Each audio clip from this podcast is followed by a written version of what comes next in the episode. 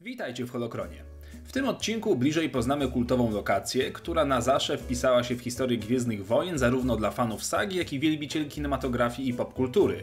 Bo Gwiezdnych Wojen można nie oglądać, nawet nie lubić, ale kantynę w Mos Eisley kojarzy każdy. A już na pewno muzykę, która w niej rozbrzmiewała. Przybytek nazywa się dokładnie Calmus Spaceport Cantina, w skrócie Calmus Cantina, czy też jak mówi o niej milicja Double CC, czyli podwójne C. Jej dokładny adres to 3112 Outer Kerner Way, Mos Eisley, Tatooine, jeżeli chcecie wysłać pocztówkę. W kantynie znajdował się bar, prywatne biura, loża VIP, prywatny hangar, piwnica i malutki sklepik. Maksymalnie mieściło się tam 102 humanoidów, aczkolwiek przez wnętrze przewijały się przeróżne rasy galaktyki. Historia tego miejsca sięga na 100 lat przed bitwą o Jawin. To właśnie wtedy niejaki Sido Partu, jeden z pionierów na planecie, zbudował budynek jako przewodniczący Rady Miasta. Sam budynek jednak nie był początkowo zbudowany jako kantyna, ale jako fortyfikacja przeciwko Tuskenom, ludziom pustyni, którzy urządzali rajdy na miasto. Z czasem budynek zmienił swoje przeznaczenie. Była tam zbrojownia, browar, a nawet dom dla włóczęgów. Przez pewien czas lokacja była też okupowana przez mnichów Bomar, których kojarzyć możecie z pałacu Czabby. Budynkiem przez krótki czas zarządzali też bracia Wrikon, będący przedstawicielami rasy Ranatów. Handlowali tu przyprawą, ale szybko zawinęli biznes i sprzedali go Kalmunowi. Ten osobnik natomiast stworzył w miejscu swoją sławną kantynę. Słów parę jednak o Kalmunie, bo to też ciekawa postać.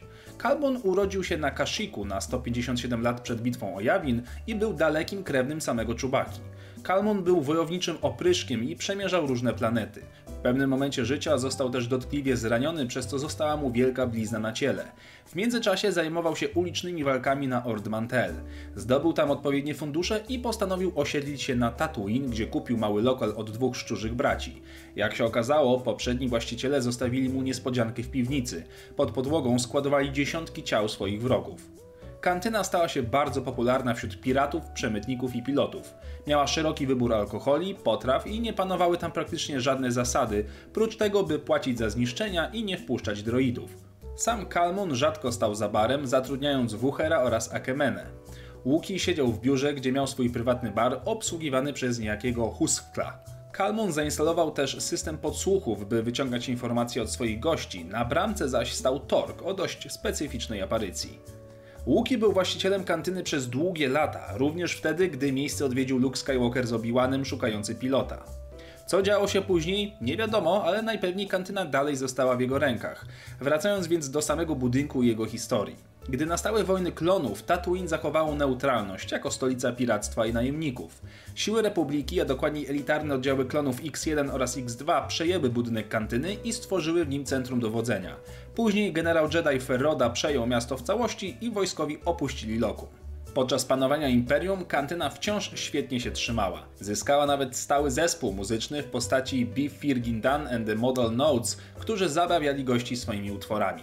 Kalmun brał zasadę braku droidów na poważnie, ale prócz faktu, że droidy nie piją, nie jedzą, był jeszcze jeden powód. Łuki zainstalował w kantynie system wykrywania droidów Fabritech E EPT-212. Imperium bardzo chętnie podsłuchiwało swoimi sondami rozmowy między przestępcami a bossami mafijnymi. System ten nie tyle co uniemożliwiał podsłuchiwanie, ale ostrzegał wszystkich w środku, by trzymali język za zębami i prowadzili banalne rozmowy. Dlatego też miejsce było tak popularne dla wszelakiej maści typów z podciemnej gwiazdy. W kolejnych latach Imperium opanowało planetę, ale kantyna wciąż działała. Po śmierci Jabby na miasto spadł ostrzał bombowy, przez co kantyna ucierpiała, ale szybko została odbudowana. 5 lat później kantyna została odwiedzona ponownie przez Hanna Solo, a 15 lat później przez niejakiego Zekka, łowcę nagród. Kantyna wciąż stała niewzruszona, serwując drinki piratom i dbając o prywatność swoich gości. I to wszystko na temat tego legendarnego przybytku. Mam nadzieję, że posłuchaliście z przyjemnością o tym ciekawym miejscu. Dajcie znać, czy chcecie poznać historię jakiegoś innego miejsca. Dziękuję Wam za oglądanie i niech moc dobrego drinka zawsze będzie z Wami.